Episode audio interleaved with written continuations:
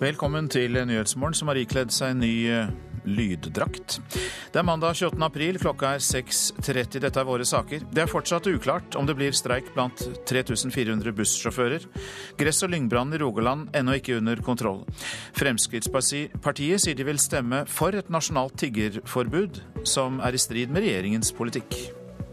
Nei, I utgangspunktet så har Frp i partiprogrammet at vi er for et nasjonalt tiggeforbud. Så utgangspunktet for Fremskrittspartiet er at vi kommer også til å stemme for et nasjonalt tiggeforbud.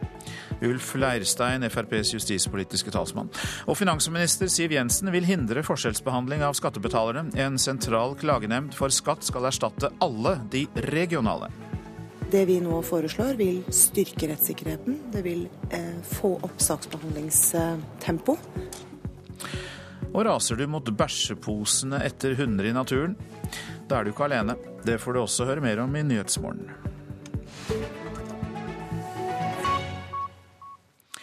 Det er uklart om det blir streik blant 3400 bussjåfører fra i dag eller ikke. Partene i forhandlingene i oppgjøret sitter fortsatt i mekling. Blir det streik, stanser all busstrafikk i Rogaland, Bergen, Os, Hardanger og Voss, samt i store deler av Hedmark og Oppland og Telemark og Agder. Tale Hauso, du er vår reporter på busstasjonen i Bergen. Hvordan eh, vil en streik eventuelt ramme Hordaland? Ja, om rett og slett store deler av busstrafikken i Bergen og Hordaland vil stoppe opp om meklinga og bussoppgjøret ikke fører fram. Eh, om en ikke finner løsning, så vil hele over 90% av sjåførene bare i Hordaland bli tatt ut i streik. Og Jeg står her nå på busstasjonen i Bergen, og her er det ennå full aktivitet. Bussene de går som de skal, og passasjerene de går om bord. Og jeg står her med leder i Vest-Norsk Transportarbeiderforbund, Roger Wem. Hva er det egentlig dere ønsker? Nei, Det vi ønsker det er ei lønn å leve av og ei arbeidstid å leve med. Men hvorfor er dette her så viktig for dere? Nei, Det er jo viktig for oss at vi har et godt kollektivtilbud. og Skal vi ha det, så må vi ha rekruttering til bransjen, og da må vi ha bedre lønns- og arbeidsvilkår enn det vi har i dag. Fristen gikk jo egentlig ut eh, i natt, men fremdeles så driver de og mekler. Hvorfor er det egentlig så vanskelig å finne en løsning på dette? Nei, Det er jo eh, store avstander mellom de kravene vi har stilt og de, eh, og de kravene arbeidsgiver har kommet med. Så Det er vel årsaken til at de sitter så lenge. Ja, Når tror du egentlig en kan få svar på dette? her? Nei, det er vanskelig å si. Det er veldig vanskelig å si. Så Vi håper jo på en snarlig avklaring, sånn at de passasjerene og publikum som skal ta buss, vet hva de har å forholde seg til. Ja, for Hva, hva ringvirkninger vil det få om det blir streik i dag? Da vil jo bussene stoppe. Eh, I Hordaland og Rogaland så vil jo eh, mesteparten av trafikken stå. Så eh, ja, det er jo først og fremst det som er konsekvensen. Ja, sånn at som vi hører så kan altså busstrafikken i store deler av Bergen og Hordaland bli sterkt redusert, og mange blir da rammet om det blir streik i dag. Takk skal du ha, reporter Tale Hauso. Og vi legger også til at en eventuell streik vil kunne ramme store deler av Hedmark og Oppland og Telemark og Agder. Gress- og lyngbrannen i Gjesdal i Rogaland er ikke under kontroll. Brannvesenet valgte å ta en pause i slokkearbeidet i natt, men nå er arbeidet satt i gang igjen. Reporter Cecilie Berntsen Jåsund, hvordan har natten vært? Ja, Natten her har vært preget av at eh, vindretningen har snudd. så Det har gjort eh, dette arbeidet mye vanskeligere for brannvesenet. Jeg har med meg brannmester Eivind Salmosen her. Han kan fortelle mer. Hvordan vil du oppsummere natta? Natta var litt sånn at det skifta veldig mye på, på trekken hvor han kom fra. Så han trua litt bebyggelse i nærheten av uh, Ålgård. Uh, han kom nokså nærme, men så dreide han av. Og så hadde vi òg litt fokus på opp ned av stemmen, farten heter det. Og trua han òg litt bebyggelse. Så vi men allikevel, det gikk i beste laget sånn sett. Hvordan kommer dere til å jobbe videre nå i løpet av dagen? Nå har vi fått inn eh, et helikopter til, som har to helikopter. Eh, de kommer til å jobbe på hver sin side. I tillegg til det så har vi sendt ut mannskaper som jobber i sammen med helikopter langs med hver sin retning. Har fått 25 mann fra Sydforsvaret og 16 stykker personell selv, som vi nå frakter inn i området. Som det høres, så er det ikke helt kontroll her ennå, men det begynner nå. og I løpet av, i av kort tid så håper de at de kan ha kontroll på flammene her i Gjesdal. Takk skal du ha, reporter Cecilie Berntsen Jåsund, som også da hadde med seg brannmester Eivind Salomonsen. Fraværet stupte da de ansatte i Mandal kommune fikk sykemelde seg selv, skriver Aftenposten. Rett til egenmelding i inntil ett år og tett oppfølging av de sykemeldte førte til at sykefraværet gikk ned. Sykefraværet er blitt 25% lavere i Mandal kommune sammenlignet med 29 lignende kommuner, viser en ny studie. Ti virksomheter i Norge, blant dem flere kommuner, har nå satt i gang lignende prosjekter under ledelse av Arbeidsdepartementet.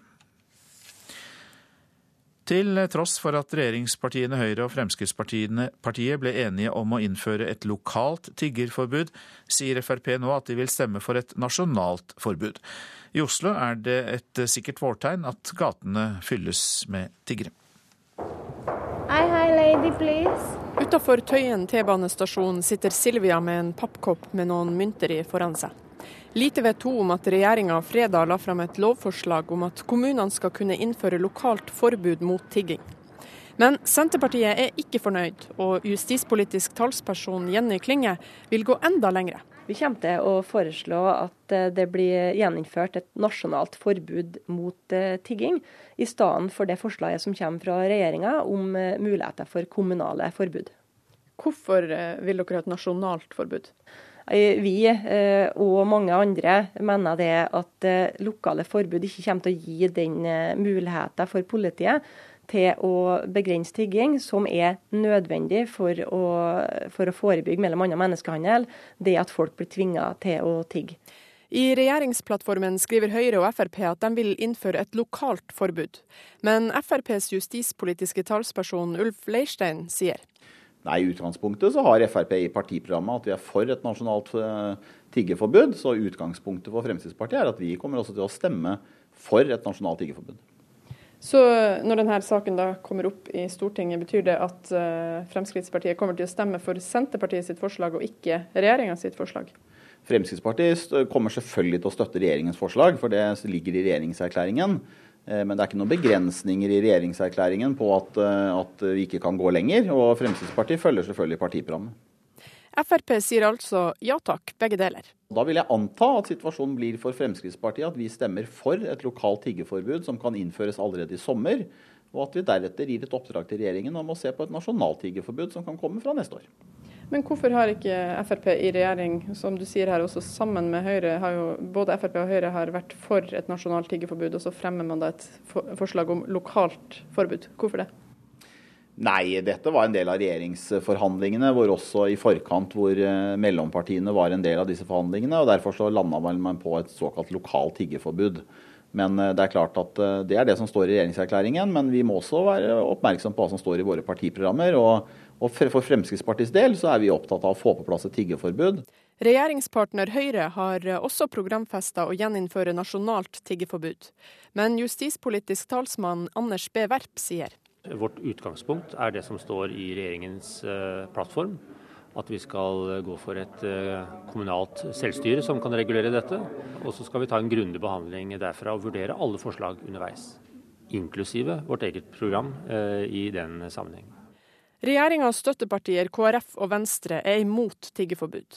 Som det ser ut nå, kan likevel Frp, Høyre og Senterpartiet om ikke lenge danne flertall for et lokalt forbud. Men så vil altså Jenny Klinge i Senterpartiet komme med et nytt forslag om nasjonalt tiggeforbud. Når vi nå kommer til å legge fram forslag om det, så er det opp til Høyre og Frp om det får flertall i Stortinget. Please, boss. Tilbake på Tøyen har Silvia ikke fått et eneste kronestykke til i koppen sin. Hvis det blir et lokalt tiggeforbud, kan hun kanskje flytte seg til en annen kommune. Men blir det et nasjonalt forbud, må hun ut av landet. Hi, hi, please. Please, lady. Reporter Eva Marie Bullai, og det blir debatt om tiggeforbud i Politisk kvarter om en drøy time. Hvert år klager 80 000 nordmenn på skatteoppgjøret. Finansminister Siv Jensen frykter at folk som eh, klager, får forskjellig behandling ulike steder i landet. Derfor vil hun legge ned alle de regionale skatteklagenemndene og lage en stor nasjonal nemnd. Og Advokatforeningen jubler. Det har eh, vært eh, ulik behandling i ulike nemnder. Det har vært stilt spørsmål ved nemndens Hør flere podkaster på nrk.no podkast. Mange har følt at saksbehandlingen har vært unødvendig lang. Nå vil Siv Jensen rydde opp, Hun vil ha ei sentral nemnd, og hun vil at Finansdepartementet skal avgjøre hvem som skal sitte i den. I dag er det skatteetaten sjøl som forebur sakene som skal opp i nemnda. Også dette vil Jensen ha slutt på. Det vi nå foreslår vil styrke rettssikkerheten. Det vil eh, få opp saksbehandlingstempo. Eh, og det vil eh, bidra til at flere opplever møtet med skattemyndighetene som positivt. Per i dag er det bare krav om at to tredeler av nemnda skal ha formell utdanning innen økonomi, regnskap eller juss. Siv Jensen vil stille krav til alle medlemmene. For dem det gjelder, så betyr dette enormt mye. Da er det viktig at de blir vurdert av mennesker som er kompetent til å gjøre det, og som tør å etterprøve og imøtegå eh, skattemyndighetenes eh, konklusjoner. Dette høres veldig lovende ut. Sier Hanne Skårberg Holen i Advokatforeninga sitt rettssikkerhetsutvalg. Hun har kjempa i flere år for å flytte klagenemnda lenger unna den lokale skatteetaten. En utfordring var nærheten til opprinnelig vedtak, hvor samme saksbehandler eller samme sjef eller naboen til han som fattet opprinnelig vedtak, eh, også skulle behandle klagen. Reporter Ellen Wiseth. USAs president Barack Obama er nå kommet til Filippinene på sin rundreise til nære allierte stater i Asia.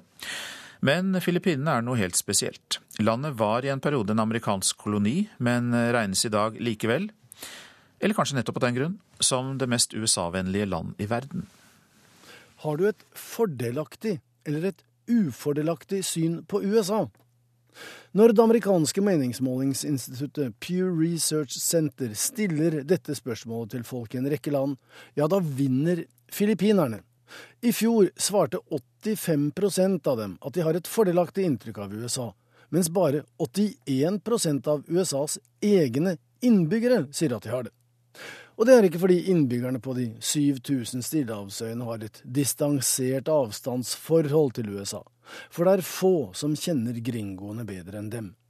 Dette hat-kjærlighetsforholdet ble innledet da USA vant den spansk-amerikanske krigen for drøyt 100 år siden og befridde Filippinene fra den spanske kolonimakten, sier Chris Wolff. Spain at the time occupied the Philippines, and come the Spanish American War, the uh, American Navy's ready, willing and able to go kick them out and seize the Philippines. Problemet var at USA etablerte seg som en, i praksis, ny kolonimakt, noe deler av befolkningen gjorde opprør mot. Samtidig så innførte amerikanerne valg, allmenn skolegang og engelsk som felles språk, noe andre satte stor pris på. Men USA styrte Filippinene som en koloni, helt til Japan erobret øygruppen under annen verdenskrig og kastet ut amerikanerne. Da det ble fred i Stillehavet i 1945, fikk Filippinene etter hvert sin selvstendighet. Men det var to nye kriger i Asia som skulle definere forholdet mellom de to land. Filippinene var første og siste stopp for amerikanske soldater på vei til og fra både Korea og Vietnam. Millions of Americans passed through Subic Bay and Clark Air Base and other places en route to Southeast Asia, or flew missions out of there in support of the war in Southeast Asia. Dette preget Filippinene.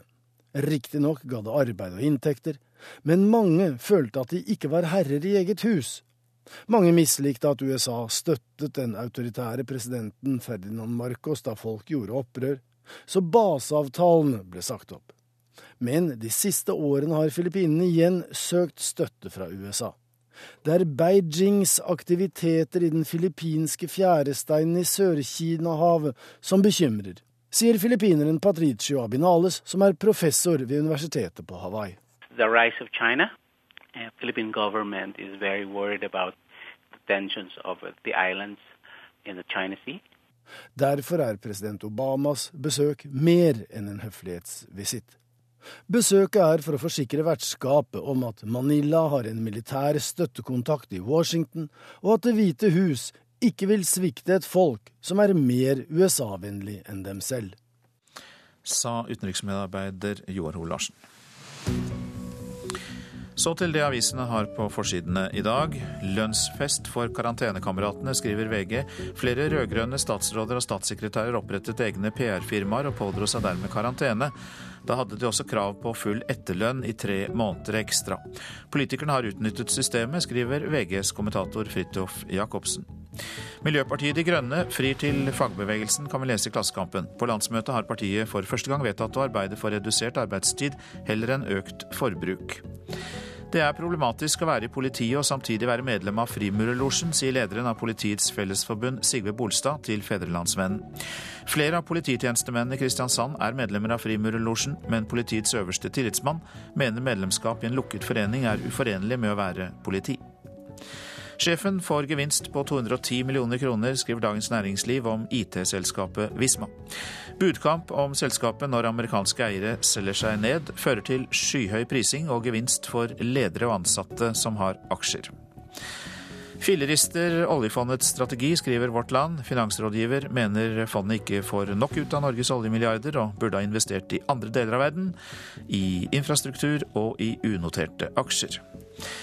Morna, Jens. Ja, det er Dagsavisens korte overskrift i dag. For det er snart et ordentlig morna til Jens Stoltenberg, som går av som Arbeiderpartiets leder snart. Han forteller om forberedelsene til rollen som Nato-sjef, at det er vemodig å være ferdig i norsk politikk. Alvorlige feil ble oversett. Adresseavisen sendte en Volvo fra 1980 til EU-kontroll ved ni forskjellige verksteder i Trondheim. Resultatene varierte fra nesten godkjent til anbefalt vraking. Volvos merkeverksted fant bare to av de ti feilene som ble påvist på bilen av Statens vegvesen. Naturturisme for tre milliarder i året, skriver Nasjonen. Det er 3000 bedrifter som tilbyr naturopplevelser, og fortsatt er Norge så rikt at vi har et fantastisk potensial for naturbasert reiseliv. Det sier professor Petter Fredmann ved Universitetet på Ås.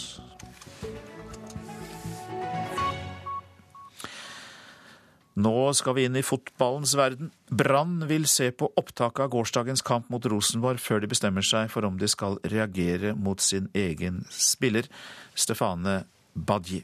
Brann-trener Rikard Norling ser alvorlig på episoden. Klubben må sette seg ned og, og, se på det som hender. for vi, Det er klart at det er alvorlig, og vi bør håndtere det på et, uh, på et noggrant sett. Ja, han må faktisk fysisk holde Badji tilbake. På overtid i gårsdagens kamp så det ut til at senegaleseren slengte armen i ansiktet på Rosenborg-spiller Mikke Jensen. Dommer Svein Erik Edvardsen var raskt ute med det røde kortet. I sinne sparket Baji ballen opp på tribunen. Deretter vendte han seg mot dommeren og måtte holdes fast av flere spillere både fra Brann og Rosenborg. Midtbanespilleren nektet å forlate banen og måtte til slutt hentes av trener Norling. Det her er jo naturligvis at vi er veldig fylt med følelser her etter eh, kampen. Likevel er den svenske Brann-treneren klar på at slik oppførsel ikke skal skje. Episoden skjer få dager etter at Baji ble utsatt for rasisme i cupkampen mot Vareg. Branns Hassan El Fakiri var midt oppe i situasjonen og prøvde å roe ned sin lagkamerat. Ble litt hissig og mener han selv at han blir eh, litt urettferdig behandla i forhold til spillestilen hans. Skulle helst eh, vært foruten siste det som skjedde. Reporter her, det var Hilde Liengen. Du lytter til Nyhetsmorgen. Klokka den er 6.48. Vi har disse hovedsakene. Det er fortsatt uklart om det blir streik blant 3400 bussjåfører. Partene sitter fortsatt i mekling. Gress- og lyngbrannen i Gjesdal i Rogaland er ikke under kontroll. Finansminister Siv Jensen vil hindre forskjellsbehandling av skattebetalerne. En sentral klagenemnd for skatt skal erstatte alle de regionale. De er små og svarte og svært lite delikate. Hundeeiere legger igjen bæsjeposer i turområdene, til fortvilelse for andre som søker seg ut i naturen. Flere kommuner har satt ut avfallsbrønner på parkeringsplasser nær viktige turområder, men kan ellers gjøre lite annet enn å oppfordre hundeeierne til å rydde opp etter hunden. Jeg skal bare, jeg skal bare, jeg skal ta den med meg når jeg kommer hjem tilbake igjen. Og så når de kommer tilbake igjen, så har de gått forbi han, og så blir han liggende. Det sier Odd Andersen, forvalter for idrett og friluftsliv i Sandnes kommune. Han liker ikke hvordan det ser ut etter en fin og travel helg i turområdene. Jeg syns det var litt leit å se det at folk bare hiver disse hundeposene fra seg sånn. For opp mot Dalsnuten er de ikke til å unngå. Men blant turgåerene er det allikevel enighet i at dette ikke er bra. Posene de, de forvitrer ikke, de ligger så lenge at du, du ser jo mange ganger de samme. Det hadde vært bedre at det fikk ligge og regne vekk, enn at det ligger en plastpose. De som har henter det opp og så hiver det i posen. og Det må være fullstendig mis misforstått. Men selv om det kan virke som en opplagt løsning på problemet, kan det komme negative konsekvenser ut av det òg. Hvis det hadde blitt satt ut noen båsdunker eller noe sånt på veien opp, men det er vel gjerne et problem for Tumti tømt da. Det er vel akkurat det som er. Og kommunemannen Andersen kan fortelle om dårlige erfaringer fra nettopp dette. Det blir iallfall ikke renere av det. fordi som regel så blir de stående en stund, og så kommer det fugler og gjerne rev og sånt som plukker ut av dette, og så flyter dette rundt forbi. Og så er det en kostnad med dette med å tømme det. I friluftsloven står det at det skal legges til rette for bosshåndtering i turområdene. Og det blir det òg gjort, for på parkeringsplassen i starten av turen opp til Dalsnuten står det nemlig en avfallsbrønn. Denne bossdunken er nedgravd i jorda, Tre meter under bakken. så da lukter det ikke noe særlig. Nei, du kan kjenne sjøl det, det lukter jo, men ikke noe så hinsidig som som det skulle gjort nå i denne varmen. Og poenget med det, å ha en sånn Det er for å spare penger, altså få mest mulig samla på en plass, og så ha færrest mulig tømminger. Men den aller enkleste løsningen på problemet er òg den mest opplagte. Har du hund, så har du òg et ansvar, og da må du plukke opp. Du kan ikke bare ha det ille med hunden, du må ta òg opp den driten som produserer, som ikke det er til ulempe for andre. Sier Andersen, og turgåerene, både de med og uten hund, er fullstendig enige. Her er jo folk bare for korte turer, så akkurat det her, den lille posen der må jo gå an å ta med seg. Det du bringer med deg, tar du det tilbake igjen. Det er jo like skikk og bruk vanligvis som det er alle andre plasser, at eh, du tar det med deg.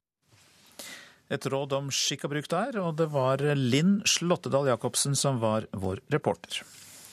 Det kan bli journaliststreik under årets lønnsoppgjør, mener professor Rune Ottosen. I dag møtes Norsk Journalistlag og Mediebedriftenes Landsforening til lønnsforhandlinger. Mediebransjen sliter i motvind, og ifølge Aftenposten kan mediekutt komme opp i over 1 milliard kroner, og opp mot 1000 ansatte kan måtte gå de neste årene. Journalistlaget reagerer på økningen i lederlønninger i aviskonsernene. Ok, Da eh, ønsker jeg velkommen til eh, siste formelle møte i forhandlingsutvalget. Søndag ettermiddag møttes forhandlingsutvalget i Norsk Journalistlag for å gjøre siste finpuss før lønnsforhandlingene. Mandag og tirsdag er satt av til forhandlinger mellom NJ og Mediebedriftenes Landsforening. Ja, Vi venter en rimelig og fornuftig lønnsutvikling. Det sier Thomas Spence, leder i NJ.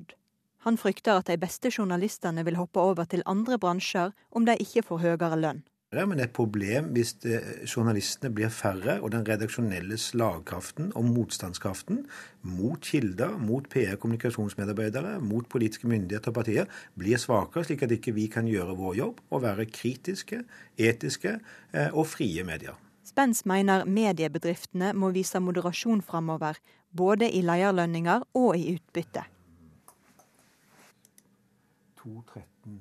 På PC-en finner fram tall på auken i lønn, bonus og aksjer til Rolf Erik Ryssdal, konsernsjef i Skipsted. Fra 2012 til 2013 øker den samla godtgjørelsen til Ryssdal med 69 Sum lønn, bonus, aksjeprogram fra 2012 til 2013 69% Ja, Jeg vet at mange av de Skipsted-ansatte syns at det er veldig høyt, og det blir jo nesten grotesk når en vet hva de sannsynligvis vil tilby journalistene. Jeg har lyst til å gå inn på eh, sjefen min sin, sin lønnspakke. Det må du spørre styrelederen eh, derom. Men det skyldes jo selvfølgelig først og fremst at Schibsted har hatt eh, god vekst og, og, og god inntjening i det som har skjedd utenfor Norge. Det sier Didrik Munch, styreleder i Mediebedriftenes Landsforening og konsernsjef i Skipsted Norge. Vi er opptatt av å ha eh, gode eh, ledere. og opptatt av at de blir lønnet på en god måte, ikke minst i de tidene vi er oppe i, oppe i nå. Eh, Men alle må vise eh, moderasjon i den fasen oppe i nå. Professor i journalistikk Rune Ottosen mener det kan være lurt av NJ å trekke fram lederlønningene i forhandlingene. De tallene er såpass eh, dramatiske at hvis man ikke skal snakke om veldig nye og økende klasseskiller, så er det klart de er nødt til å høre på journalistene. Rune Ottosen tror det er rundt 50% sjanse for at det ender i streik. Du kan si tålmodigheten blant journalister er ikke spesielt stor heller i forhold til å sakke ytterligere akterut. Reporter var Maria Lavik. Nå til striden rundt 22. juli-minnestedet. I dag møter kulturministeren og kommunalministeren naboer og andre som er involvert i striden rundt minnesmerket på Sørbråten. Og nå starter også arbeidet med AUFs minnested på Utøya for de som ble direkte berørt av terroren. Målsettingen er at det minnestedet skal stå ferdig allerede neste år. Vi er opptatt av at vi aldri skal glemme det som skjedde 22.07. Det sier AUF-leder Eskil Pedersen. For å minnes ofra etter 22.07-terroren vil organisasjonen lage en egen minnestad på Utøya. Denne kommer i tillegg til den nasjonale minnestaden på Sørbråten. Dette minnestedet er jo blir utviklet eh, med mer tanke på eh, de som er direkte berørt. Det er vanskeligere å ta seg over til en øy enn det er å oppsøke de nasjonale minnestedene som er på fastlandet. Den skal ligge eh, på et sted som er litt tilbaketrukket over Kjærlighetsstien, med siktlinjer til de nasjonale, det nasjonale minnestedet, og også til campingen. Sier Marianne Heier, som leder gruppa som skal velge ut utkasta. Hun sier de vil arbeide tett sammen med arkitektene under arbeidet med minnestaden. I akkurat denne sammenhengen så mener vi at det er viktig å kunne influere underveis eh, på hva formen på dette vil bli. Fordi det er et veldig spesielt oppdrag der manges interesser skal ivaretas. Da. Heier stadfester at det ikke vil komme et kunstverk på Utøya, men det hun kaller ei framheving av landskapet. Der skal det være rom for at det bildet som den enkelte har i sitt sinn av det som har skjedd, det skal kunne finne sin plass der. Og Det tror vi vil være sterkere, det bildet, enn et eventuelt kunstverk som vi kan plassere der. da. Vi tror kanskje ikke at det er det de etterlatte trenger på Utøya, fordi Utøya i seg selv er så sterk. Og med alle kjenslene som er knyttet til øya, er det mange omsyn å ta for gruppa. Det skal ikke være et sted der noen har dødd, fordi det skal gjelde generelt for alle de som døde, og alle de som har tapt noen på Utøya. Og så har det vært viktig at det ikke skulle ligge i forbindelse med arrestasjonspunkter eller andre Eh, betente steder. Da. Allerede neste år er målsettinga at minnestaden på Utøya skal stå ferdig. Eskil Pedersen sier han er opptatt av at alle som er råka skal bli lytta til i tida som kommer. Denne prosessen har vi hele tiden hatt som mål å, å sette i gang med, og nå har vi kommet et stykke på vei, men fortsatt er det mye jobb som må gjøres. Reporter Lars Ivar Nordahl. Nå til værvarselet fram til midnatt. Fjell i Sør-Norge, stort sett pent vær, men mer skyet i nordlige områder. Fra i ettermiddag nordvestlig bris. Tilskyende nord for Finse, etter hvert litt sludd eller regn lengst i nord, seinere som snø. Østafjells for det meste lettskyet pent vær, men mer skyet nord i Hedmark og Oppland. Vestlandet sør for Stad, lokal tåke på kysten nord for Rogaland, ellers stort sett pent vær. Etter hvert enkelte regnbyger i Nordfjord, snø over 1000 meter, seinere på dagen også snø ned mot 300 meter. Møre og Romsdal og Trøndelag tilskyende, etter hvert regn og regnbyger. Snø over 1000 meter. Seinere på dagen kommer nedbøren som snø over 300 meter, også i Møre og Romsdal og Trøndelag. Nordland øking til sørvestlig liten kuling på kysten. I ettermiddag dreiende nordvestlig. Først i Lofoten og Vesterålen. I kveld stiv kuling. Det blir regn eller sluddbyger i Nordland. Snø over 300 meter. Troms får eh, sludd og snø. Fra i ettermiddag nordøstlig liten kuling på kysten. I kveld opp i stiv kuling.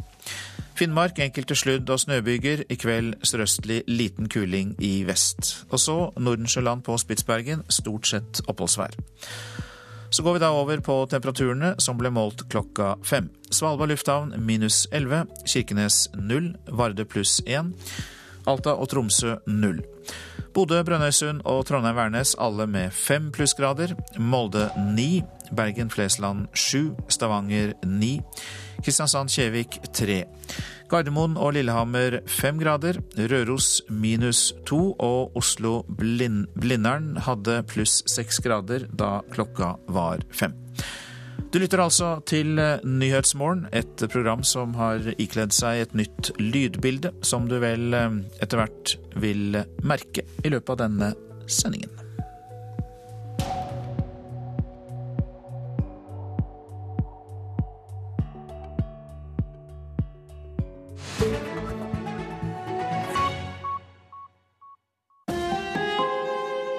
Hør ekko. Han var eleven som aldri rakk opp hånda. Som fikk pusteproblemer om han måtte si noe høyt i timen. Han tålte ikke bråket, ropingen, sinte stemmer eller sterke lukter.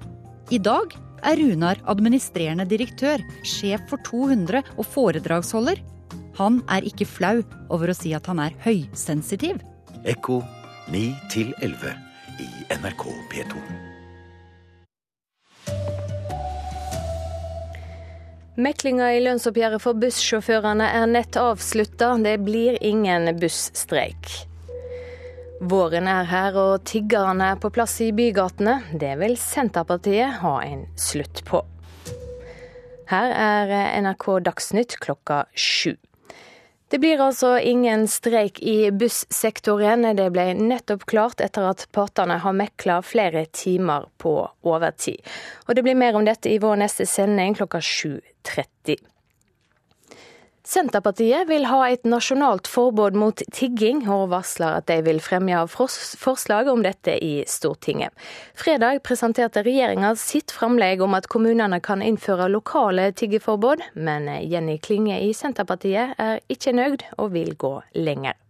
Vi kommer til å foreslå at det blir gjeninnført et nasjonalt forbud mot eh, tigging, i stedet for det forslaget som kommer fra regjeringa om eh, muligheter for kommunale forbud. Hvorfor eh, vil dere ha et nasjonalt forbud?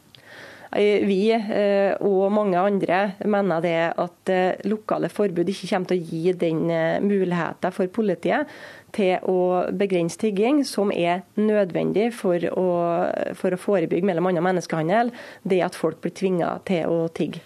Er det et samla Senterparti som står bak det forslaget? Det er det. Vi har klart programfesta at vi ønsker å gjeninnføre forbudet mot tigging. Eh, og Når vi nå kommer til å legge fram forslag om det, så er det opp til Høyre og Frp om det får flertall i Stortinget. Og Frp varsler at partiet vil støtte et nasjonalt forbud mot tigging. Reporter Eva Marie Bulai. Hvert år klager 80 000 nordmenn på skatteoppgjøret. Finansminister Siv Jensen frykter at folk som klager får ulik sakshandsaming kring om i landet. Hun vil nå legge ned alle de regionale skatteklagenemndene og lage ei stor nasjonal nemnd, og det er Advokatforeninga glad for.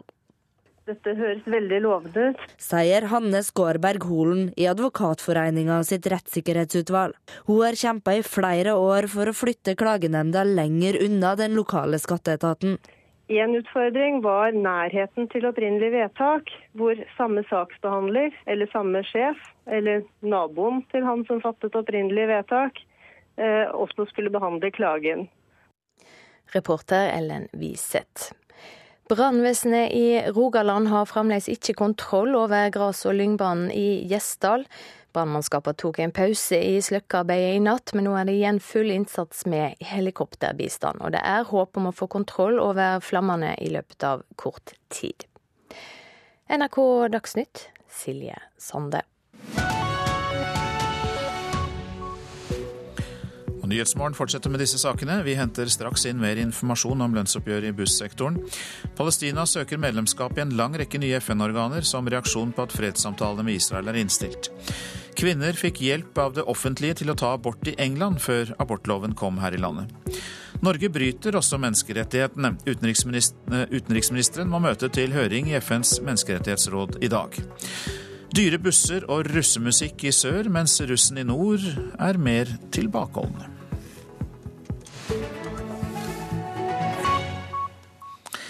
Det blir ingen streik i bussektoren. En streik kunne rammet store deler av landet. Men 3400 bussjåfører skal altså gå på jobb også i dag. Reporter Hedvig Bjørgum, du er hos Riksmekleren, og hva mer kan du fortelle? Jo, eh, et øyeblikk så skal du få høre, for jeg står her med mekler Kine Steinsvik. Hun er akkurat ferdig med mekling sju timer på overtid. Og hva er dere blitt enige om? Nå kan jeg meddele at eh, partene har kommet frem til en løsning etter eh, intense forhandlinger. Eh, og det nærmere innholdet for den løsninga som vi har kommet frem til, det vil de nå få lov til å presentere sjøl. Ja, da får jeg nesten bare rope på deg kanskje, Roger Hansen og Jon Stordrange fra henholdsvis eh, Transportarbeiderforbundet og NHO Transport. Hva har dere blitt enige om først deg, Roger Hansen?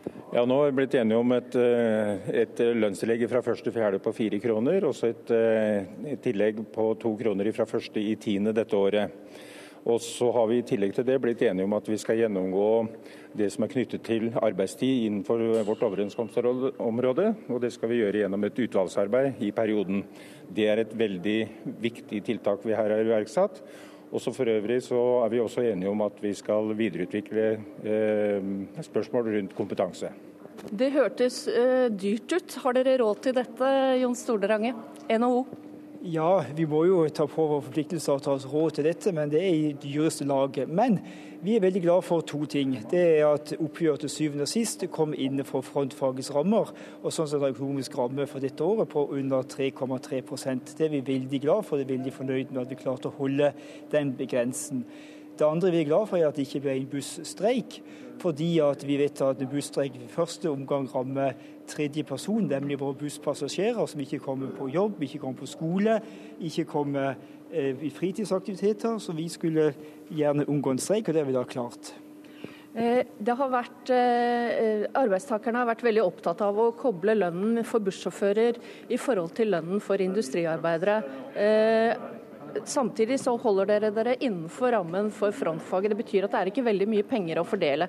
Hvor er, hvordan er stillingen når det gjelder den gamle avtalen fra 2007? Det er nå sånn gjennom den eh, ordningen at vi eh, får et tillegg først i tiende.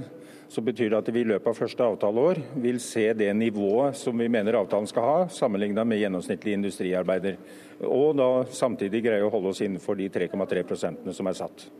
Er du enig i det, Stordrange, at det er sånn det fungerer? Ja, det er jo hyggelig at de kan nærme seg industriarbeiderlønn. Vi er ikke så opptatt av det. Vi tror sjåføren skal være opptatt av eh, hvor mye penger de får på konto hver måned, fremfor hvor mange prosenter de får andres lønn. Vi lever ikke av prosenter, vi lever av kroner. Men eh, de er opptatt av det, vi er ikke så opptatt av det. Vi er opptatt av å overholde den rammen, og det har vi på 3,3% og det har vi klart.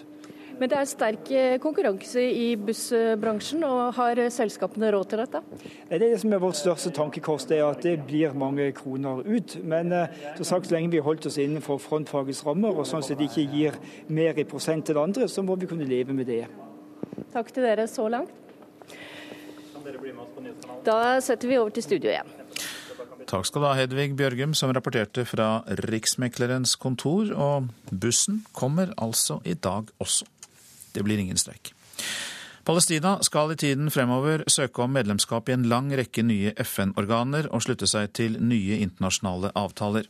Det har sentralrådet i PLO bestemt, og det er en reaksjon på at Israel innstilte fredssamtalene med palestinerne. Utenriksmedarbeider og tidligere Midtøsten-korrespondent Sissel Wold, hva kan palestinernes nye utspill bety for fredsprosessen? Ja, Det er jo ingen fredsprosess, og det har jo ikke vært det heller de ni siste månedene. Det som har skjedd, er at USAs utenriksminister John Kerry har forsøkt å få partene til å sette seg sammen for å snakke om en fredsprosess. Man har bare snakket om å snakke om en fredsprosess. Eh, palestinerne har eh, gitt opp fordi Israel brøt løftet om å frigi en del fanger, og dermed så begynte begge parter å skylde på hverandre. Eh, palestinerne mener ved å ta dette tilbake til FN og gjøre konflikten internasjonal igjen, og prøve å få storsamfunnet til å ta tak i dette. Og han har jo også sett at eh, at uansett hva han gjør, så blir det feil. Og jeg kan eh, referere fra en kommentator fra en veldig kjent israelsk eh, eh, eh, analytiker i dag, Eitan Haber. Han skriver at i alle år så har vi gjort narr av presidenten til palestinerne, Abu Masen. Hvem er det han representerer? Han representerer bare seg selv, bare halvparten av befolkningen. Men nå som han har greid å få eh, palestinerne samlet med Hamas, PLO og Hamas, så skriver han da israelerne sier er du blitt helt gal nå, for vi kan jo ikke snakke med palestinerne når de er samlet. Så uansett hva palestinerne gjør, så blir det feil. Så nå gjør han noe annet. Han går til FN. Og hva ønsker eh, palestinerne å eh, oppnå? Bl.a. Eh, ved å f.eks. Eh, melde seg inn i eh, ICC, den internasjonale International Criminal Court. Det riset bak speilet som palestinerne har hatt, er å melde israelere, da militære ledere, generalere, politikere, til straffedomstolen, den internasjonale straffedomstolen for krigsforbrytelser. Det er én ting de kan gjøre også, å anmelde bosetterne for ulovlig å bo på okkupert land. Det er noe av det de kan gjøre. Men her er det veldig mye spill. Mye er eh, i bevegelse. Og i morgen så går fristen til John Kerry ut. Det er den datoen han har sagt for, for å, å, å, få dette forsøket i gang. Store spørsmålet er om noen, om John Kerry eller andre, tør å si at denne konflikten ikke kan løses nå. Vi får følge videre med på dette. Takk skal du ha. Sissel Wold, utenriksmedarbeider her i eh, NRK. Så til eh, USA. Minst ti personer har mistet livet i tornadoer der, det opplyser myndighetene. Flere personer skal ha omkommet i byen Vilonia, mens to personer har mistet livet i Oklahoma. Det ble utløst flere tornadoer da et stort eh, stormsystem beveget seg gjennom Midtvesten og de sørlige delene av USA i går. Minst tolv tornadoer har revet opp trær og ødelagt flere kraftlinjer.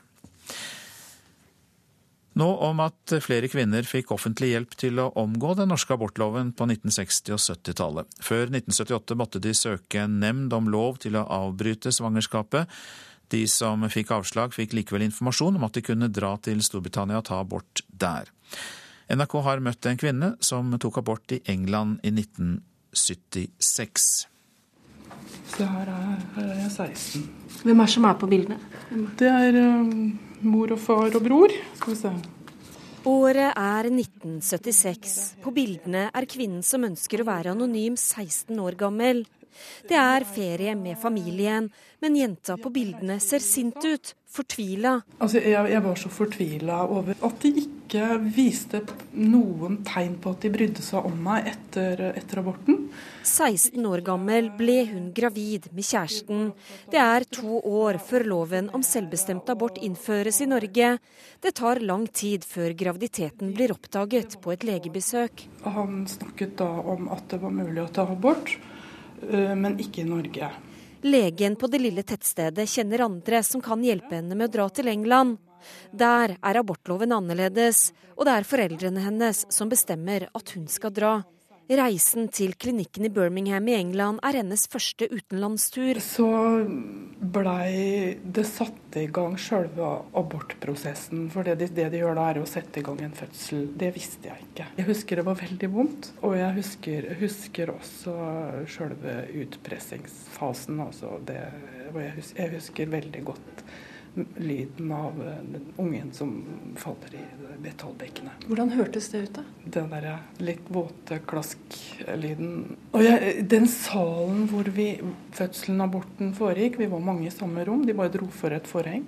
Så vi hørte jo de skreik rundt. og det, det var, altså, ja. Etter, etter utpressinga så var det en vanlig utskraping, og der er vi jo over på en vanlig abort, sånn tidlig abort. Så må jeg bli kjørt ned i kjellerrom og bindt fast beina og narkose og utskraping. Hittil ukjente opplysninger viser at en offentlig etat hjalp kvinner som ønsket abort med å reise til England. For mellom 1964 og 1978 måtte kvinner som ønsket abort i Norge, søke en nemnd. I 1971 ble Kontoret for seksuell opplysning startet av Sosialistisk legers forening. De skulle gi råd om prevensjon og hjelpe kvinner med å søke om abort. Jeg synes Det var ganske nærme det må, det må ha vært her. Ja. I tredje etasjen her, tror jeg. Astor Reigstad var en av initiativtakerne bak kontoret. Det lå i Folketeaterpassasjen og var åpen på kveldstid. De aller fleste som fikk hjelp av dem, fikk innvilget abort. Men de som fikk avslag, fikk informasjon herfra om at de kunne reise til England. Det var ikke kjent i utgangspunktet, men de, ble, de som ikke kom noen vei på, i det norske systemet, ble jo kjent, ble kjentgjort eller fikk greie på det. Det var jo sånn vi jobba, da.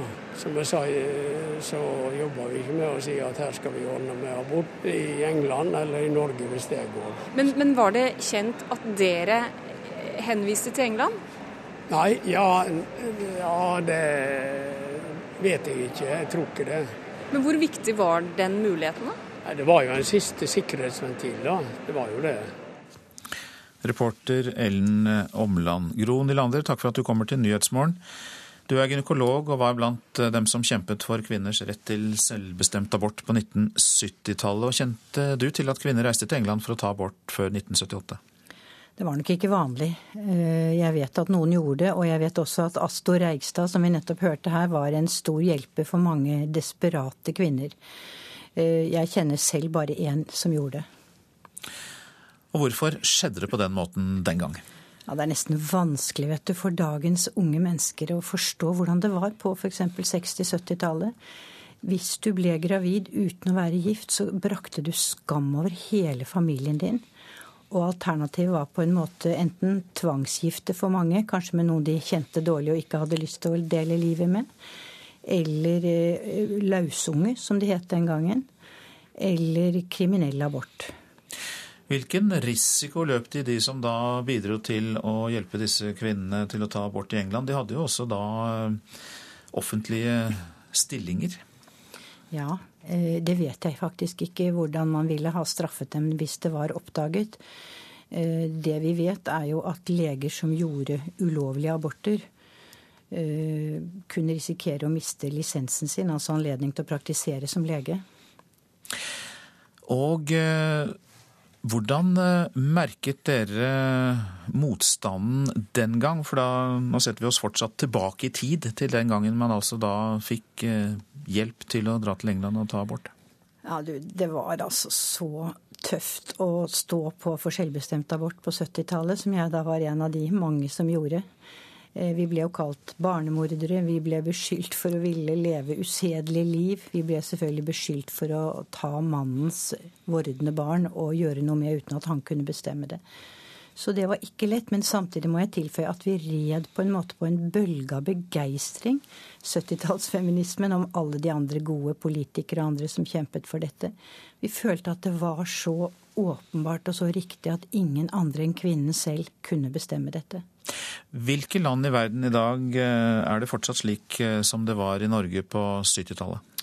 Mange land. Mange. En del land har jo overhodet ikke tilgang på abort. Det er jo ikke lenge siden Irland, som kanskje ligger nærmest, nektet enhver form for abort. Og der skjedde det jo disse tragiske tingene med en jente på 11-12 år som etter incest ble tvunget til å føde tvillinger, eller en ung kvinne som døde fordi hun hadde en livsfarlig sykdom og ikke tålte en graviditet. Eh, nå har de fått en litt sånn begrenset tilgang. Men Polen f.eks., hvis vi fortsetter å se nærmest oss, der har de jo hatt en tilgang på abort i en periode, og nå er den stengt. Og det som skjer, er at eh, man vil regne med at rundt 200 000 illegale aborter skjer i Polen årlig. Og det er jo ofte farlige aborter, ikke sant. Skade kvinnen, kan gjøre henne steril, kan i verste fall føre til dødsfall. Og hvis vi løfter blikket til USA, så vet vi jo der at vi har the religious right, ikke sant, som kjemper mot retten til selvbestemt abort. Takk skal du ha, Gro Nylander, til at du kom i Nyhetsmorgen og orienterte oss om dette. Du er altså gynekolog og var blant dem som kjempet for kvinners rett til selvbestemt abort på 1970-tallet. Du lytter til Nyhetsmorgen. Klokka har passert 7.17. Dette er eh, hovedsaker. Det blir ikke streik blant bussjåførene. Partene i bussektoren ble enige om en avtale for kort tid siden. Brannvesenet har fortsatt ikke kontroll over gress- og lyngbrannen i Gjesdal i Rogaland. Og russen kjører på sparebluss i nord. Sør i Norge er det russebusser i millionklassen og egenproduserte russelåter. Mer om det også her i Nyhetsmorgen.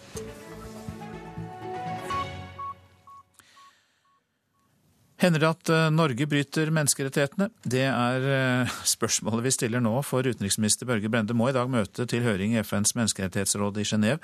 Sist gang Norge måtte svare for seg, så kom FN med flere kritiske merknader. Og eh, Kristin Høgdal, god morgen til deg. God morgen. Du er fungerende leder for Nasjonal, Nasjonal institusjon for menneskerettigheter ved Universitetet i Oslo, altså. Og hvilke konkrete saker kan komme opp nå? Og det er jo veldig mye. For dette er jo den mest omfattende høringen i hele FN-systemet. Men det kan jo komme alt fra lover og regler i norsk sammenheng. Hvordan eh, Grunnloven f.eks. nå skal revideres. Og også vil det være mye spesifikt på gjennomføringen av menneskerettigheter i Norge. Da kan det være arbeid og eh, diskriminering på arbeidsplassen. Det kan være asylsøkere, psykiatrien osv. Og dette med varetektsfengsling har jo vært oppe tidligere. Kommer det også til å komme opp denne gangen? Det håper og tror jeg. For det er et, eh, en utfordring som har ligget der veldig lenge og har blitt kommentert på veldig mange ganger. Og det er eh, altså særlig bruken av isolasjon i, i norsk rettskjede er et tilbakevendende problem som, er, som, må adresseres på et eller annet eh, vis. Både vi har denne glattcelleproblematikken, og vi har bruk, og hyppig bruk av det i fengselssystemet. Du nevnte også lovverk, og hva er det mest kritiske der, etter din oppfatning? Ja, akkurat nå som vi står opp, som jeg nevnte, akkurat dette her med Grunnloven er jo en, et veldig viktig anliggende. Fordi fra et internasjonalt perspektiv så er det særlig balansen mellom ulike typer rettigheter. Sivile og politiske rettigheter og økonomisk, sosiale og kulturelle rettigheter. Hvordan kommer det konkret uttrykk for folk? da? Hva er det man blir snytt for av menneskerettigheter pga. Grunnloven, for å si det sånn? Mm, ja, om du blir snytt i norsk sammenheng, så blir du ikke nødvendigvis snytt så veldig mye. For det er veldig mye, det aller meste, er ivaretatt i lover og regler. Men eh, det er noe med langsiktigheten og det å, for vanskeligere tider, og det å ha en tydeliggjøring av hva som er verdiene i norsk sammenheng. Så det er føre var? Ja, der, der, I vår sammenheng så er det faktisk uh, mye det. Og det å sikre det gi det et, uh, altså gjøre det sånn at det er vanskeligere å endre på det og forplikte mer, da. Hvordan var det sist Norge måtte innom FNs menneskerettighetsråd? Da var det Det var første gang, da. Og, for dette er en ny eh, mekanisme. Og da var det Norge fikk vel 91 anbefalinger. Og de bekreftet 66 av dem, og det tok delvis om bord Eh, fem-seks stykker. Og da, da var det jo mange temaer som ble gjort. Noe av det gikk jo på ratifisering og, og slutte seg til internasjonale instrumenter. Og så var det en hel rekke andre temaer oppe på diskriminering. Og Norge gjorde en veldig bra ting, syns jeg, i den sammenhengen. Det var at de la seg på en litt sånn selvkritisk linje. For å vise at for det aller meste er, er rimelig bra på stell. Men det er også problemer å ta tak i i norsk sammenheng. Hjertelig takk, Kristin Høgdahl, som altså er fungerende leder for Nasjonal institusjon for menneskerettigheter, for at du orienterte oss om eh, dette. Og vi går direkte til utenriksminister Børge Brende, som altså skal svare på vegne av Norge. Du er med på telefon fra Genéve. Og eh, ja, vil du legge deg på en selvkritisk linje, som vi hørte man gjorde forrige gang? Jeg tror det er veldig viktig at Norge går foran med et godt eksempel og viser at vi tar den landgjennomgangen veldig seriøst. Dette er en av eh, de viktigste instituttene eh, i FN, med en full gjennomgang av hvor ulike land står når det gjelder viktige menneskerettigheter. Når det gjelder de grunnleggende rettighetene, forsamlingsfrihet, ytringsfrihet og um, en rettspleie som fungerer, så er jo Norge en av de ledende land i verden. Men vi skal ta på alvor innspill knytta til eh, bl.a. dette med bruken av eh, isolasjon eh, ved varetektsfengsling, hvor det er kun ved bevisforspillelse dette bør skje, og når det gjelder barns rettigheter. Dette med varetektsfengsling og isolasjon ved fengsling har jo vært oppe flere ganger. Men hva skjer konkret fra regjeringens side, bortsett fra å si at man syns ikke dette er så bra? Den nye regjeringa har initiert en handlingsplan eh, for å understreke og slå fast at eh, isolasjon, f.eks. For i forbindelse med varetektsfengsling, skal kun skje når det er fare for bevisforspillelse. Hvilke andre saker er viktige for denne regjeringen når det gjelder menneskerettigheter, og som da saker som kan dukke opp i dag i Menneskerettighetsrådet? Alt rundt eh, barn er helt avgjørende. Og som vi vet, så kommer jo ikke barndommen i reprise. Eh, vi må initiere eh, enda sterkere tiltak og jobbe nå med en ny strategi eh, for å bekjempe vold og seksuelle overgrep mot barn. Vi må styrke barnevernet ytterligere i Norge, og familievernet. Det er et eksempel. Så har vi jo spørsmålet om seksuelle minoriteter, som er under press Eh, selv i Norge. Og vi vet at eh, mange barn dessverre blir, eh, selv i vårt land, utsatt for tvangsgifte, kjønnslemlestelser, hvor vi må styrke både arbeid i Norge og ved våre utestasjoner. Takk skal du ha, utenriksminister Børge Brende, som altså skal møte i Menneskerettighetsrådet i dag. Så noen ord om det avisene har på forsidene i dag. Lønnsfest for karantenekameratene, skriver VG. Flere rød-grønne statsråder og statssekretærer opprettet egne PR-firmaer og pådro seg dermed karantene. Da hadde de også krav på full etterlønn i tre måneder ekstra etter at de hadde tapt valget, da. Politikerne har utnyttet systemet, skriver avisas kommentator Fridtjof Jacobsen. Miljøpartiet De Grønne frir til fagbevegelsen, kan vi lese i Klassekampen. På landsmøtet har partiet for første gang vedtatt å arbeide for redusert arbeidstid, heller enn økt forbruk. Det er problematisk å være i politiet og samtidig være medlem av Frimurerlosjen, sier lederen av Politiets Fellesforbund, Sigve Bolstad, til Fedrelandsvennen. Flere av polititjenestemennene i Kristiansand er medlemmer av Frimurerlosjen. Sjefen får gevinst på 210 millioner kroner, skriver Dagens Næringsliv om IT-selskapet Visma. Budkamp om selskapet når amerikanske eiere selger seg ned, fører til skyhøy prising og gevinst for ledere og ansatte som har aksjer. Fillerister oljefondets strategi, skriver Vårt Land. Finansrådgiver mener fondet ikke får nok ut av norske oljemilliarder, og burde ha investert i andre deler av verden, i infrastruktur og i unoterte aksjer. Morna, Jens. Ja, det er eh, overraskende nok Dagsavisens korte overskrift i dag. For det er eh, snart et ordentlig morna til Jens Stoltenberg, som går av som Arbeiderpartiets leder. Og han forteller da Dagsavisen om rollen som Nato-sjef, og at det er vemodig å være ferdig i norsk politikk. Alvorlige feil ble oversett. Adresseavisen sendte en Volvo fra 1980 til EU-kontroll ved ni forskjellige verksteder i Trondheim. Resultatene varierte fra nesten godkjent til anbefalt vraking. Volvos merkeverksted fant bare to av de ti feilene som ble påvist på bilen av Statens vegvesen. Naturturisme for tre milliarder i året, det skriver Nasjonen om i dag. Det er 3000 bedrifter her i landet som tilbyr naturopplevelser, og fortsatt er Norge så rikt at vi har et fantastisk potensial for naturbasert reiseliv. Ja, det sier professor Petter Fredmann ved Universitetet på Ås til Nasjonen, altså. Russebusser i millionklassen og egenproduserte russelåter. Det blir mer og mer vanlig blant russen i Sør-Norge. Trenden er på vei nordover, men i Midt-Troms er de rødkledde litt mer måteholdne. Russebuksen er ferdig pynta med norske flagg, store bokstaver og hvite stjerner.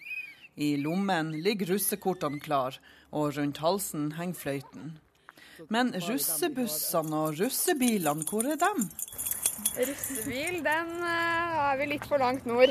Oda Hansen er russepresident for de rundt 70 rødrussene på Bardufoss Høgtun videregående skole.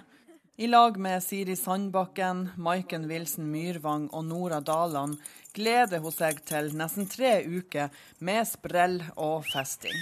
Vi ser fram til å tilbringe mye tid sammen, og det blir en fin avslutning på de tre årene som vi har gått sammen. Hva dere kjører for noe da i russetida? Bilen til og mamma og pappa. Helst så kjører vi vel ikke i det hele tatt. Er det ingen som har russebil her? Ikke her eh, inne hos oss. Vi bruker heller penger på alkohol. det var noen som hadde russebuss her for noen år siden, men eh, den er fortsatt til salgs, da. Det er ingen som har eh, kjøpt den ennå. Så det finnes jo en mulighet for neste års russ. Russelåta deres, da, kan vi høre den? Dårlig med det òg her oppe. Ja. Nei, vi tar heller og hører på russelåtene til alle de andre som har lagt mye penger i det. Eller så har vi jo Spotify. Ja. Spotify Premium, så vi klarer oss ut. På Østlandet er plenene grønne for lengst. På Bardufoss ligger snøen fortsatt trygt, og enda kan det være lurt å bruke stillongs. Kanskje det er derfor kontrastene er så store, også når det gjelder russefeiring? Nei, det er klart at eh, Hvis man skal være ute og grille, sånn som man ofte bruker å gjøre i russetida, så er det jo kjedelig hvis det sludder og snør. Og det problemet har de jo kanskje ikke sørpå. Der kan de jo sitte inn i bussen uansett, da. altså Med buss så må dere ha både sommerdekk og vinterdekk. Og... Ja, ikke sant? Men eh, i Tromsø og andre nordnorske byer kommer de etter. Der er det stadig flere russ som skaffer seg biler og busser. Erik Svendsen er rødruss på Senja videregående skole.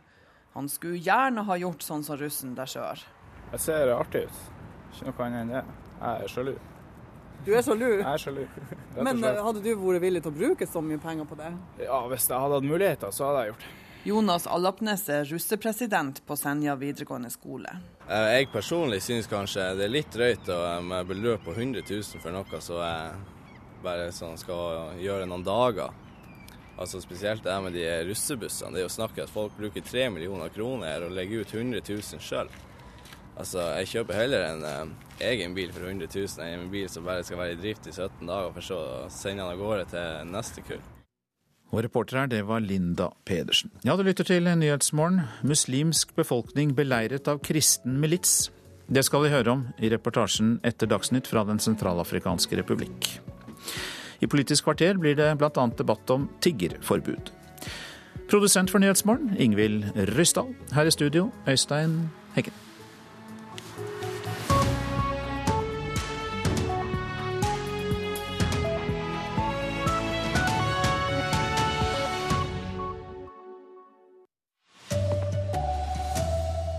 Det blir ingen busstreik. Partene ble samlet for en halv time siden etter å ha mekla i hele natt.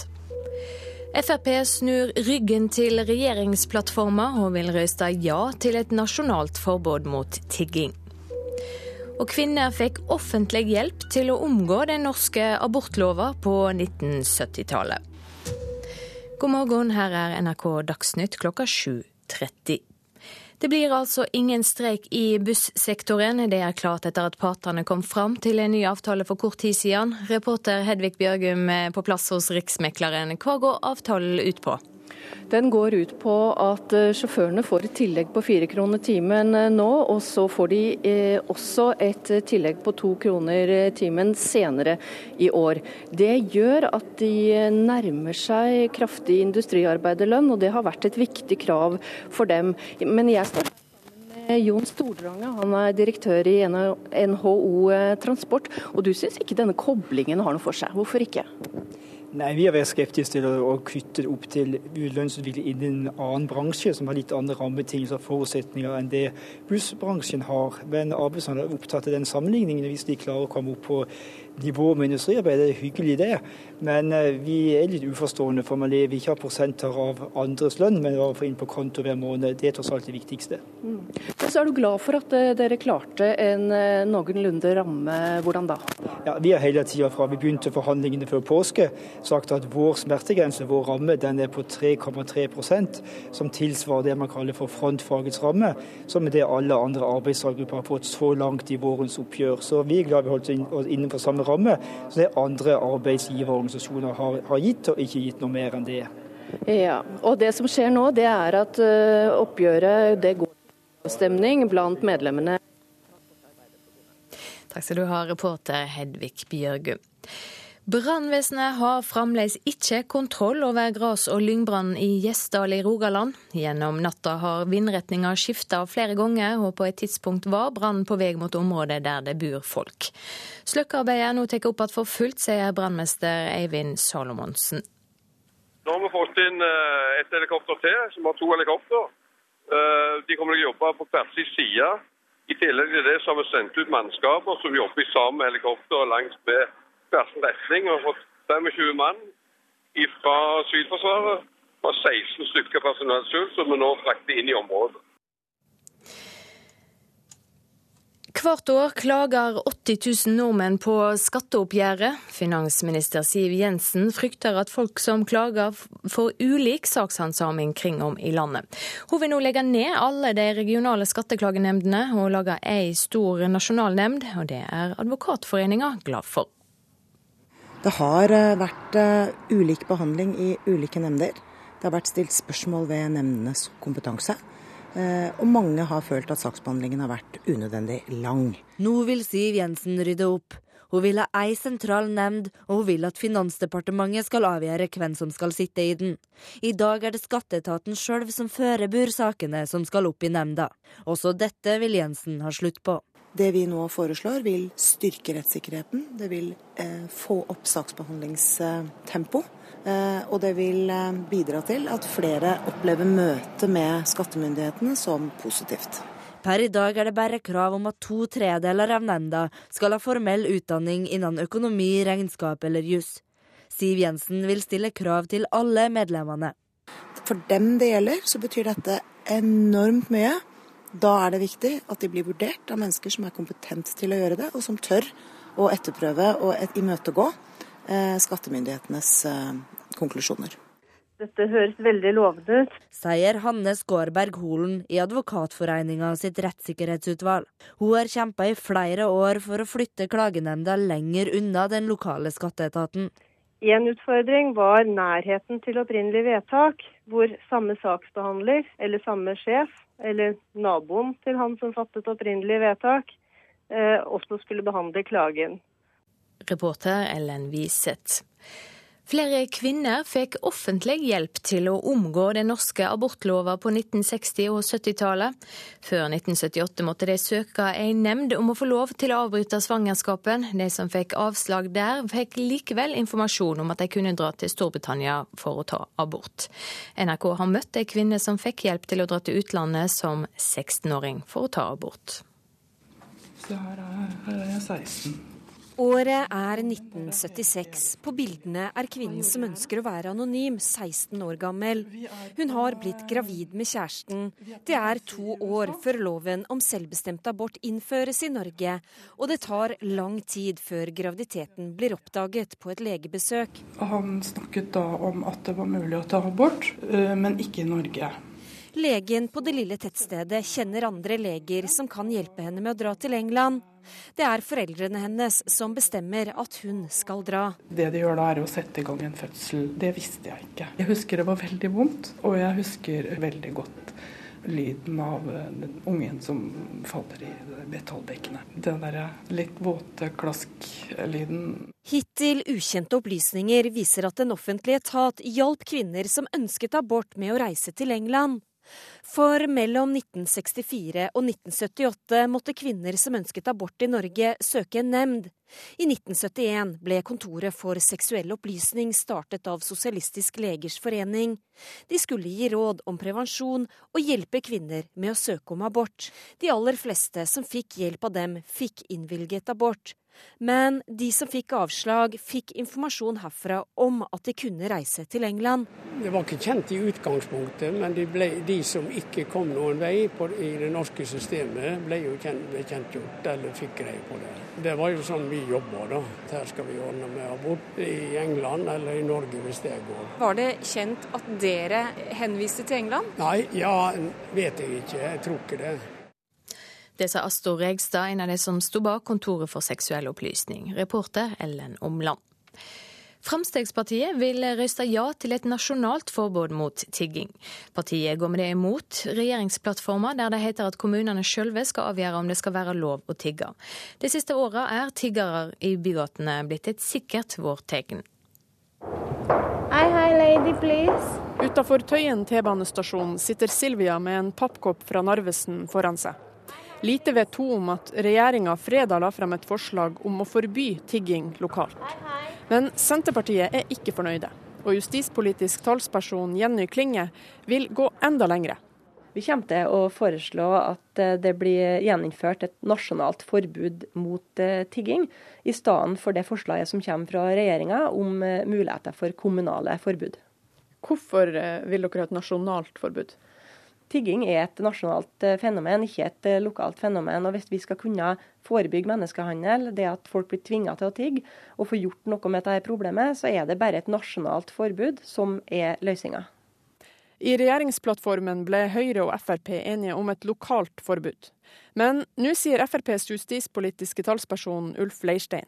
I utgangspunktet så har Frp i partiprogrammet at vi er for et nasjonalt tiggeforbud. Så utgangspunktet for Fremskrittspartiet er at vi kommer også til å stemme for et nasjonalt tiggeforbud.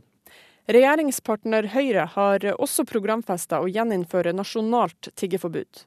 Men justispolitisk talsperson Anders B. Werp sier Vårt utgangspunkt er det som står i regjeringens plattform. At vi skal gå for et kommunalt selvstyre som kan regulere dette. Og så skal vi ta en grundig behandling derfra og vurdere alle forslag underveis inklusive vårt eget program i den sammenheng. Reporter Eva Marie Bulai. Fotballaget Brann vil granske opptaket av gårsdagens kamp mot Rosenborg, før ledelsen avgjør om de skal reagere mot sin egen spiller Stefan Badji. Han nekta å gå av banen etter å ha fått rødt kort, og måtte hentes av trener Rikard Norling. Det er klart at det er alvorlig, og vi bør håndtere det på et noggrant sett. Ja, han må faktisk fysisk holde Badji tilbake. På overtid i gårsdagens kamp så det ut til at senegaleseren slengte armen i ansiktet på Rosenborg-spiller Mikke Jensen. Dommer Svein Erik Edvardsen var raskt ute med det røde kortet. I sinne sparket Baji ballen opp på tribunen. Deretter vendte han seg mot dommeren og måtte holdes fast av flere spillere både fra Brann og Rosenborg. Midtbanespilleren nektet å forlate banen og måtte til slutt hentes av trener Nordling. Branns Hassan El Fakiri var midt oppe i situasjonen og prøvde å roe ned sin lagkamerat. Ble litt hissig og mener han selv at han blir litt urettferdig behandla forhold til spillestilen hans. Skulle helst vært foruten siste som skjedde. Reporter Hilde Liengen. Ansvarlig for Dagsnytt denne morgenen, Elin Pettersen. Teknisk ansvarlig Hans Ole Hummelvold. Her i studio, Silje Sande.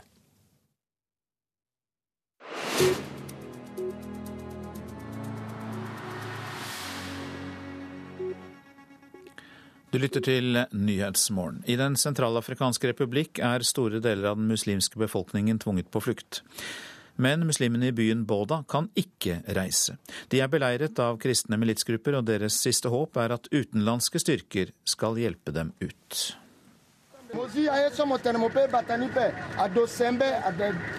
En stor menneskemengde har samlet seg i den muslimske delen av byen Boda. De venter på dagens rasjon med mat. Et par menn kommer med trillebårer fylt med små risposer. Men det er ikke mange nok til alle som har møtt opp. En eldre kvinne har i hvert fall fått noe.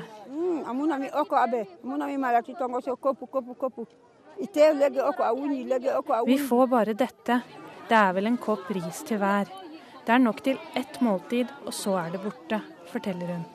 Hun er en av de om lag 14 000 muslimene som lever i denne delen av Boda. De har ikke mat, de har ikke medisiner, og de blir stadig utsatt for angrep fra kristne militsgrupper. Nafisa på 17 år holder et lite barn på armen. Det er niesen hennes, men etter at svigerinnen ble drept, må hun innta rollen som mor. Min svigerinne gikk ut med et vannfat. Jeg vet ikke hvor hun var på vei, men like etter kom det et barn løpende og ropte at det var anti-Balaka-soldater som hadde angrepet. Anti-Balaka er navnet på de kristne militsgruppene i Den sentralafrikanske republikk. De har av en rekke menneskerettighetsgrupper blitt beskyldt for å målrettet angripe den muslimske befolkningen. Voldsbølgen i landet startet etter at muslimske opprørere kuppet makten i mars i fjor. Noen av opprørerne startet en kampanje med drap, voldtekt og plyndring. Muslimene som er i mindretall i landet, fikk skylden for opprørernes brutaliteter og ble målskive for kristne militante grupper som ønsket hevn. FN har rapportert om etnisk rensning av muslimer i den vestlige delen av landet. Hovedstaden Bangui er nesten tømt for muslimer, og 80% av den muslimske befolkningen er tvunget på flukt eller drept. Men innbyggerne i Boda kan ikke flykte. De er omringet av kristne militsgrupper og tør ikke å bevege seg utenfor sin tildelte sone.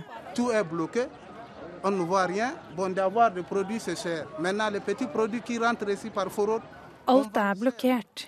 Ingenting kommer inn, sier Ado Kone, en ung muslimsk mann.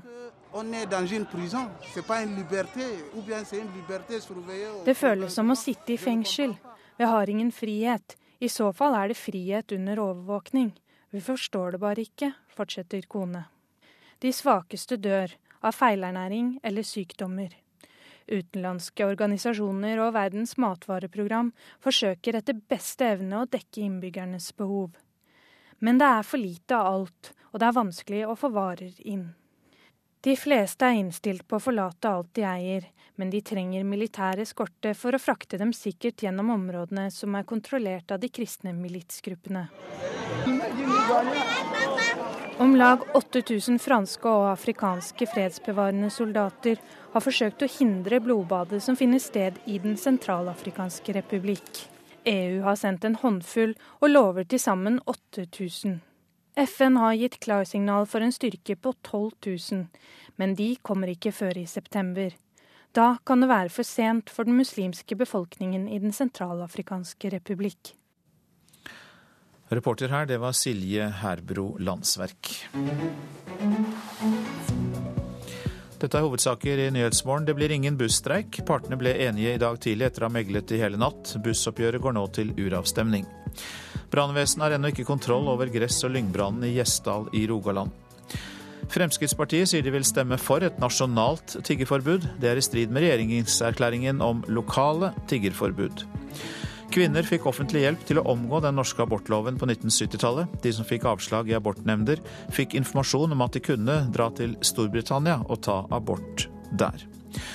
Og her eh, i Nyhetsmorgen så rydder vi plass for Politisk kvarter.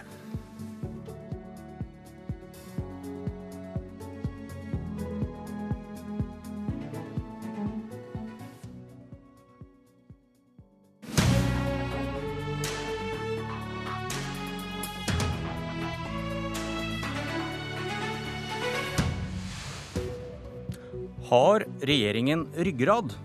Noen mener nok at min første gjest ikke har ryggrad. Likevel klarte han å gå opp trappen til Politisk kvarter. Han er den første journalisten som forsvarer at regjeringen ikke vil møte Dalai Lama. Det koster å innta kontroversielle standpunkter.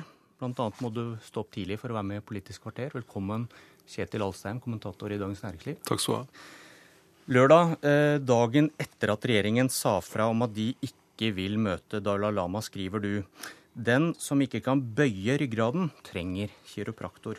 Hvorfor, hvorfor støtter du regjeringen her, i motsetning til alle dine kolleger?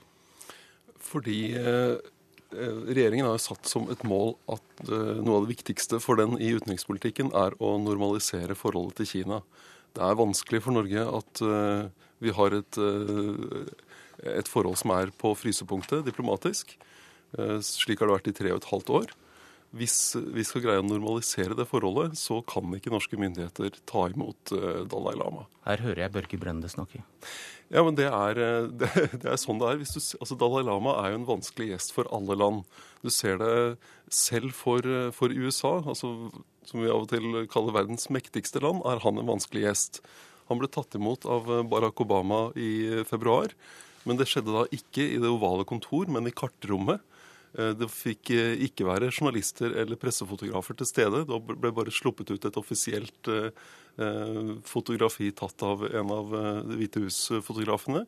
Og Dalai Lama ble det var ikke mulig å ta bilde av ham på vei inn eller ut av eh, Det hvite huset, og ingen kommentarer fra ham på vei ut etterpå.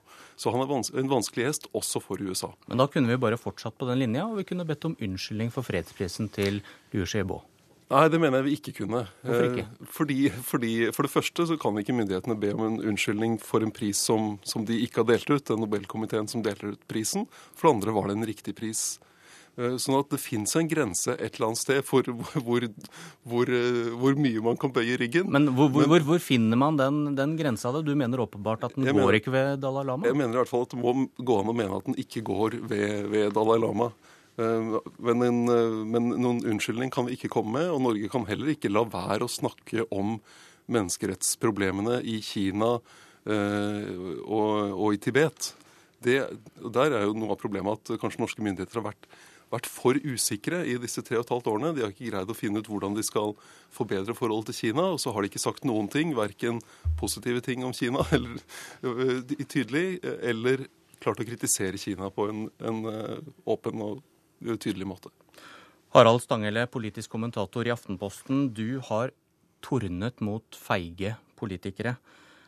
Er du overrasket over at Alstheim kom seg opp trappa? Nei da, det er jeg på ingen måte. Og eh, svært mye av det Kjetil Alstaheim skriver og sier, det eh, har jeg veldig lite problemer med. Eh, det er klart at Dalai Lama er en problematisk gjest. Norge har et problematisk forhold til Kina. Det er et mål å komme seg ut av den situasjonen. Men denne debatten har seg, dreid seg om akkurat det som Kjetil var inne på på slutten. Hvor går grensa? Og for meg så går det ei grense hvis vi så tydelig bøyer oss for kinesisk press, eh, der vi så tydelig eh, legger opp til å gjøre til laks den kinesiske strategien som går ut på presse land etter land. Eh, det mest eh, groteske eksempelet er vel kanskje da Dalai Lama ble nekta visum til Sør-Afrika, der han var invitert til å delta på Mandelas sin fredspriskollegas gravferd. Kineserne gav tydelig uttrykk for at gjør Sør-Afrika det, ja, så blir det straffetiltak. Og det er denne diplomatiske bølletonen som jeg mener at Norge har høve til å stå opp mot. Rett og slett fordi at vi har som eh, fredspristildelende nasjon eh, en slags tradisjon bl.a. for å møte Dalai Lama. Og her kunne en f.eks. diskutert var det mulig å skille mellom det Stortinget gjorde, og det regjeringa gjorde. Så Alsheim han forstår ikke Kina, er det det? Eh, altså, det, Jeg har sett disse dagene at det er så mange ulike tolkninger av hvordan eh, kineserne stiller seg. Vi har hatt eh, en rad med professorer som sier at det er riktig å, å, å, å gjøre det regjeringa sier. Vi har hatt andre utenrikspolitiske eksperter og Kina-eksperter som sier at det vil bli tolka som et uttrykk for svakhet at en gjev seg. Så her tror jeg rett og slett at en kan velge eksperter på øverste hylle.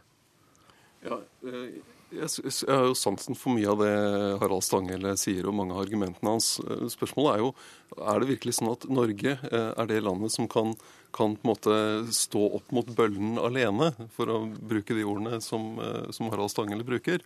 Når vi ser at, at større land enn Norge gir etter for press.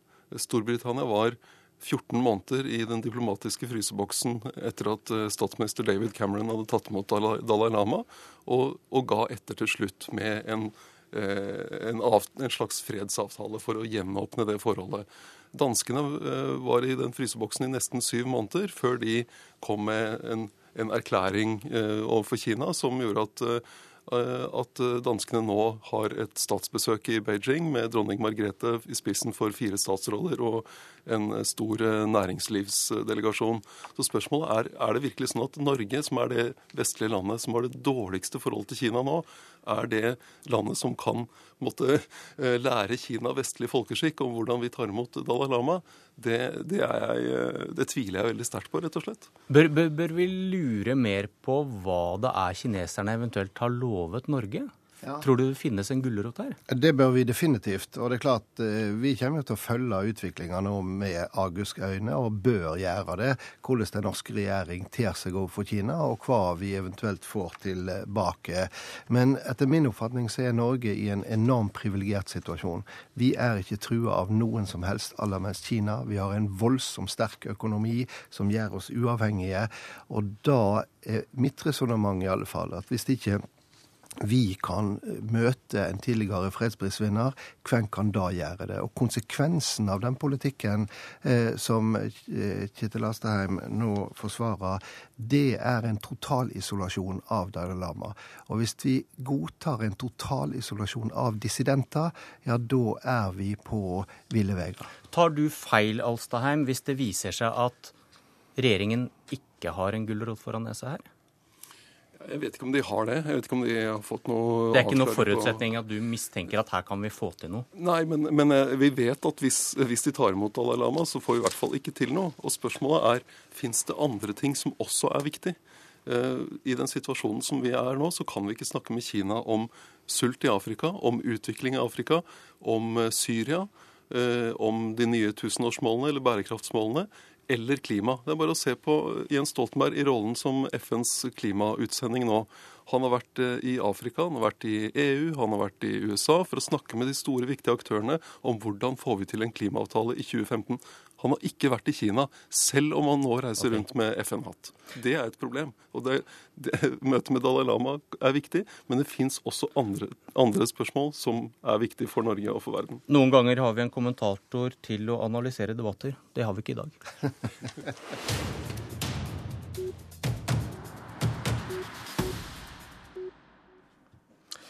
Det blir sannsynligvis opp til kommunene om det skal være lov til å tigge. Regjeringen leverte sitt forslag til Stortinget fredag, og får sannsynligvis støtte og flertall i Stortinget fra Senterpartiet. Og hva skjer i byen med flest tiggere da? Øystein Sundelin, du sitter i Oslo bystyre for Høyre, som har ivret for et tiggeforbud i byen. Og hva skjer i Oslo hvis kommunen selv får bestemme?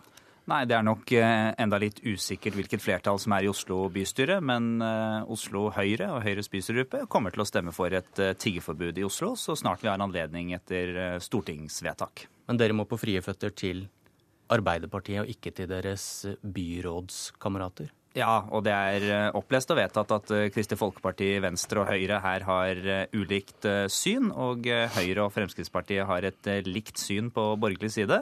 Og så får vi se om Arbeiderpartiet f.eks. blir med på et tiggeforbud i Oslo. Hva er det dere ikke klarer med dagens regler? Nei, vi har ikke anledning til å innføre et tiggerforbud i hele, hele, Oslo. Vi kan uh, innstramme på muligheten for å sove ute, sove i parker, sette opp uh, campleire ved Sognsvann. Vi kan uh, innføre meldeplikt. Vi har, vi har en, noen små muligheter. Ja, hvorfor men, fungerer ikke eh, regelverket slik det er i dag? Da? Nei, det fungerer ikke, og det ser vi i gatene. Vi ser at vi har aggressive tiggere på eh, kollektivknutepunktene, på perrongene, på, uh, i gågatene i sentrum. Og jeg tror folk opplever en utrygghet rundt det. Og jeg tror alle er enige om at dette er ikke måten å drive nødhjelp på. Dette er ikke måten å hjelpe disse menneskene på. Uh, og derfor ønsker vi et tiggeforbud i Oslo. Erik Lunde, leder av Oslo KrF. Dere styrer Oslo med Høyre, men her kan det bli overkjørt? Ja, Det er ingen eh, tvil om at KrF mener at tiggerforbud er en dårlig idé. Eh, det mener vi av to grunner. For det første så er det en dårlig løsning hvis man ønsker å hjelpe eh, mennesker i en vanskelig situasjon. Det er ingen som mener at dagens situasjon er god. Det å være fastlåst i en tiggesituasjon, det hjelper ingen. Og det er ingen langsiktig løsning på et sosialt problem. Eh, men vi tror ikke det er en god løsning for, og en god strategi i møte med den utfordringen. Og for det andre så mener vi at det å eh, forby og straffeforfølge det å fredelig og rolig be en forbipasserende om hjelp eller mat eller penger, eh, det er eh, å nekte eh, noen mennesker en grunnleggende rett til å ytre seg. Eh, så for oss er dette et prinsipielt spørsmål eh, og et verdispørsmål. Vi ønsker eh, ikke et samfunn der det å be om hjelp blir forbudt. Og det er heller ikke bare vi som mener. Flere delstater i USA og også Norsk senter for menneskerettigheter har sagt at et tiggerforbud trolig er i strid med ytringsfriheten. Hva gjør dere i Oslo KrF hvis dette blir opp til Oslo å bestemme? Slik vi, slik det, ser ut nå? Eh, vi eh, kommer til å stemme mot å innføre et eh, tiggeforbud. Samtidig så har jeg respekt for at andre partier har andre løsninger i møte med denne utfordringen. Men har du håp om at Arbeiderpartiet svikter sidemannen din her? Vi er jo alltid Vi vil jo alltid håpe at partier støtter vårt syn. Eh, slik jeg har lest Arbeiderpartiet til nå, eh, og slik de har opptrådt i bystyret til nå, så har de vært eh, egentlig ganske klare på at de ønsker å bruke forbud for å begrense tigging. I fjor så fremma Arbeiderpartiet et ganske omfattende forslag om områdeforbud, som i praksis var et tiggeforbud, og egentlig langt på vei var en, en, en en mer, dramatisk tilnærming enn det som, som, som, det nå legges opp til, fordi eh, Arbeiderpartiets forslag bar preg av å være mest et renovasjonsforslag.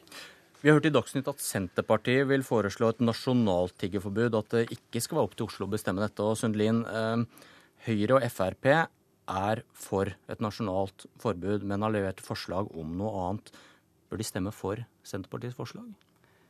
Ja, men jeg, skal ikke, jeg er valgt inn i Oslo bystyre og skal ikke så mene så mye om hvordan Stortinget håndterer dette. det løser vil, jo floken for dere. Ja, men jeg er ikke så veldig opptatt av å løse den politiske floken for oss. Jeg er opptatt av å løse et problem i bybildet. Og jeg tror ikke vi driver bistand og hjelper mennesker ved å åpne for tigging. Jeg tror et forbud vil eh, sørge for at eh, langt færre tiggere kommer hit. Da er det ikke interessant å dra til Norge fra eh, østre deler av eh, Europa, og eh, vips vil det problemet være borte i vårt gatebilde. Dermed ikke sagt at vi ikke skal hjelpe mennesker, og det skal vi gjøre der, der menneskene bor, ikke ved at de tigger i gatene i Oslo. Sitat er åpenbart at dette forbudet er ment spesielt å ramme tilreisende rom. Det er diskriminering knyttet til etnisitet. Det sier Likestillings- og diskrimineringsombud Sunniva Ørstavik til Aftenposten. Hva sier du til det? Jeg tror aldri noen mennesker har blitt hjulpet ut av fattigdom ved å tigge. Jeg tror aldri det at åpne for tigging skal sikre mennesker eh, verdighet, en ny sjanse og muligheter. Jeg tror det er helt andre løsninger og tiltak som skal til, og det er ikke tigging i gatene i Oslo. Kort til slutt, Lunde. Ja, altså, og Dette er jo litt av vår hovedbegrunnelse for å gå imot. Altså, Stikkordet her er at vi ikke får de hit. Altså, Vi mener at dette er et symptom på et sosialt problem i Europa. Og vi av alle må tåle å se at noen mennesker lever i nød. Derfor går vi imot et forbud. Vi må vente på Stortinget, og vi må vente på Oslo også. Politisk kvarter er slutt. Jeg heter Bjørn Myklebust.